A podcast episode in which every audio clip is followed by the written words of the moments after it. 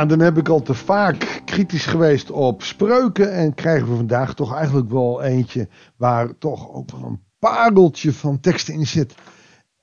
En dat is ook de vreugde. Dus ik word afgestraft. Vanaf nu zal ik nooit meer negatief doen over spreuken. Zal er ook niet meer over beginnen. We lezen uit een prachtig mooi boek uit de Bijbel. Spreuken 24, vers 1 tot en met 12. Goeiedag. Hartelijk welkom bij een nieuwe uitzending van het Bijbels Dagboek. Het begint eerst weer wat algemeen, maar toch ook wel weer diep. Wees niet jaloers op boosaardige mensen. Zoek hun gezelschap niet. Want ze hebben kwaad in de zin en stichten onheil met hun mond. Het is iets wat we onze kinderen wel leren. Ga niet met de verkeerde kinderen om. Als je omgaat met kinderen die in de drugszien zitten of altijd pesten en je wil erbij horen, dan ga je mee in hun gedrag. Ze slepen je mee in verkeerd gedrag. En dat moet je niet willen. Dat zegt hij. Boosaardig is dus ook mensen die vervelend doen, lastig zijn. Nou, ga daar niet in mee. Wil dat niet. Want ze hebben kwaad in zin. Soms doen ze het zelfs niet eens bewust. En ik, ik zeg heel veel jongeren, nou, ik vind gewoon dat ik daarmee om moet kunnen gaan. Ja, nee, ja, het is ook niet dat je het niet zou kunnen. Of, maar soms moet je het gewoon niet doen omdat je meegesleurd wordt. Ik hoor ook wel jongens zeggen, ja, maar ik kan goed doen en misschien dat zij dan ook goed doen. Ja, kijk uit, zegt Spreuken. En op volwassen, de volwassen zin is het misschien nog wel serieuzer. Deze mensen zijn uit op.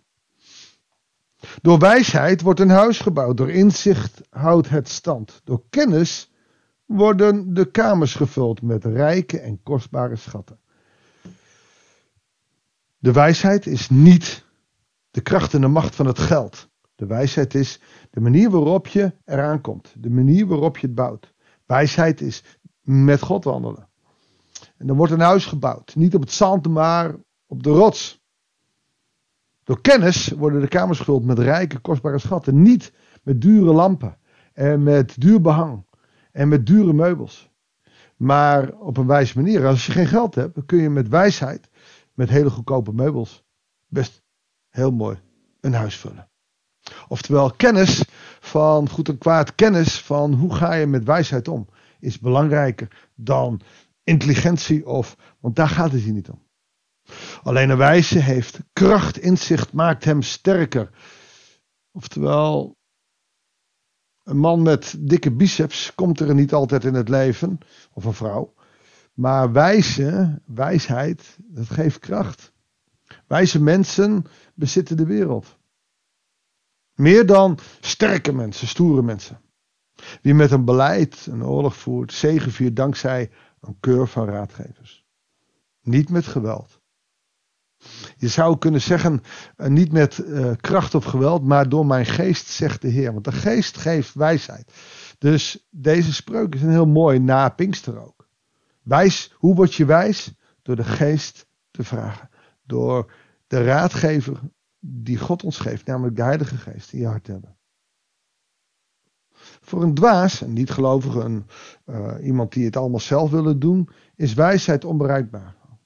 Als de oudsten in de poort bijeen zijn, weet hij niets te zeggen. Wie altijd kwaad in de zin heeft, wordt een konkelaar genoemd. Het wangedrag van een dwaas is zondig. Een spotter wordt door iedereen verafschuwd. Oftewel, blijf positief, blijf optimistisch, blijf eerlijk, uh, want anders word je uitgespuugd. En dan komen we eigenlijk tot de mooiste teksten. En daarom aan de tent ging ik er een beetje snel doorheen. Als je in tijden van nood de moed verliest, hoe gering is dan je kracht? Nou, dat is een tegeltekstje die ik ontzettend mooi vind. Waarom? Ten tijde dat het goed gaat, moet je aan je kracht bouwen. Hoe bouw je aan de kracht? Namelijk door de Heilige Geest te hebben. Door wijs te zijn, door de wijsheid in pacht te hebben. En die wijsheid is Jezus Christus. Niet de intelligentie, niet de boeken, niet de kennis.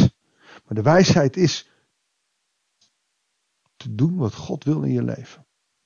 En dat is dus heel anders dan in deze maatschappij. Daarin kun je opvallen in deze maatschappij. En als je dan in tijden van nood komt, dan verlies je de moed niet zo gauw, want je hebt de wijsheid in pacht. Niet de wijsheid, nogmaals, de kennis, maar je hebt de liefde, de warmte, de geest in pacht. En dan kan je vanuit die geest zeggen dat wat er ook gebeurt, God erbij zal zijn en hij uitkomst zal geven. Dan gaat geloof een rol spelen in de, in de ellende, in de rottigheid van je leven. Dan gaat geloof echt een functie krijgen. Weet je, als alles goed gaat, heb je ook wel eens iets, wow, dat is leuk geloof en uh, gaan naar de kerk. Maar op het moment dat je het echt nodig hebt, weet je, dan ben je te laat als je dan zegt, nou dan moet ik dan maar gaan geloven. Nee, veel beter kan je al gaan geloven, ben je al bezig met geloven. En sta je sterk in de kracht van. En dan, dan heb je er wat aan. Snap je dat ik deze zin mooi vond? En dan gaan we nog twee versen. En dit is ook wel een pittige. Bevrijd hen die te dood veroordeeld zijn. Doe alles om hun leven te redden. Nou, als je een tekst hebt tegen de doodstraf, zou je dit als tekst tegen kunnen komen. Het is niet aan ons om te oordelen, het is aan God om te oordelen. Dus tegen de Amerikaanse doodstraf zou dit een tekst zijn. Alleen het komt dan weer niet meteen uit het sterkste boek met alle spreuken. En het zou mooier zijn als Jezus dit gezegd had. Weliswaar is spreuken natuurlijk geïnspireerd door de Heilige Geest. Maar, maar het is wel een mooie tekst. Maar hij wordt persoonlijker als we het naar ons toetrekken. He, bevrijd hen die door dood veroordeeld zijn. Of bevrijd hen die in zonde leven. En dus ter dood veroordeeld zijn. Uh, en dat wordt al wat anders. Dan hoeven we niet te bevrijden van de doodstraf. Maar wel van een dodelijke toekomst, namelijk geen eeuwigheid. Niet bij God zijn. Doe alles om ons leven te redden. En dan komt hij. Zeg niet, we wisten het niet. Ik heb dat niet gewust. Want God, Hij die de harten doorgerondt en het innerlijk doorziet, weet of je de waarheid spreekt. Hij vergeldt elk mens naar zijn daden maar ook de daden die in je hart zitten. En dit is nou precies wat je bedoelt. Laat u ja en ja zijn en u nee en nee. Als ik in mijn hart zeg, ik doe het niet, maar ik zeg tegen anderen, ja, ik wil het doen, maar het uiteindelijk niet doe, dan ben ik een huigelaar. En God heeft een gloeiende hekel aan huigelaars. En dus als het gaat, nou ja, ik zou eigenlijk aan de buurman wel het evangelie moeten vertellen, want hij gelooft niet in God en ik zou het moeten doen. En ja, ik zal het doen, maar je doet het vervolgens niet.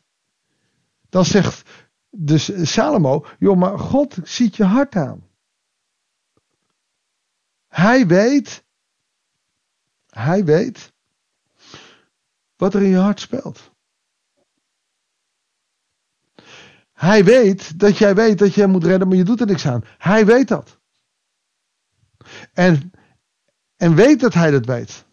Het is wat Psalm 139. Heer, waar ik ook ben, u weet mij, u kent mijn gedachten. U kent, voordat ik spreek, kent u de woorden die ik uitspreek. God kent het. God kent onze gedachten. Ons. En dat is mooi. Maar als die verkeerd zijn, is het ook meteen bedreigend. Dat is wat hier staat. En dat vind ik boeiend. Ik zeg wel eens tegen catechisanten, als ik vertel over het geloof en mensen ja knikken. Of mensen in de kerk, u kunt tegen mij zeggen dat u doet wat, u, hè, wat ik van u vraag. Of wat, wat ik uit de Bijbel haal voor u. Maar dat vind ik niet interessant dat u tegen mij zegt dat u het wel doet. God die uw hart aanziet weet of u het wel of niet doet. Tegen catechisanten die beleiders gaan doen, je, je kan ja zeggen om er vanaf te zijn. Maar God ziet je hart aan. Hij weet of je het echt meent. En ja, je kan mij bedonderen bij wijze spreken. Maar God niet, want hij ziet je hart aan. En dat is niet om te dreigen, maar dat is om mensen in alle eerlijkheid te laten leven. Laat uw ja een ja zijn en uw nee een nee. Dat is wat Jezus er ook mee bedoelt. Mag ik voor je bidden? Lieve God en Vader. Is best moeilijk om onze ja en ja en nee en nee te laten zijn. Om eerlijk en open te zijn. Om er voor andere mensen te zijn die ter dood veroordeeld zijn. Of dat nou letterlijk is of figuurlijk. Maar als ze u niet kennen, uw liefde niet kennen. Dan kunnen wij ze veroordelen dat het zondags zijn. Maar als wij niet van uw liefde aan hen verteld hebben. Wie zijn wij dan? Dan zijn we geen haar beter. Dan kunnen we zeggen, ja, ik heb het goed voorgedaan. Maar als ze het niet gezien hebben. Heer God, help ons om om uw liefde, uw recht in deze wereld te laten rechtspreken. En ook al hebben we daar een taak in en vinden we dat niet altijd makkelijk, wilt u ons daarbij helpen door de kracht van uw geest. Dat bidden wij u in de machtige naam van Jezus. Amen.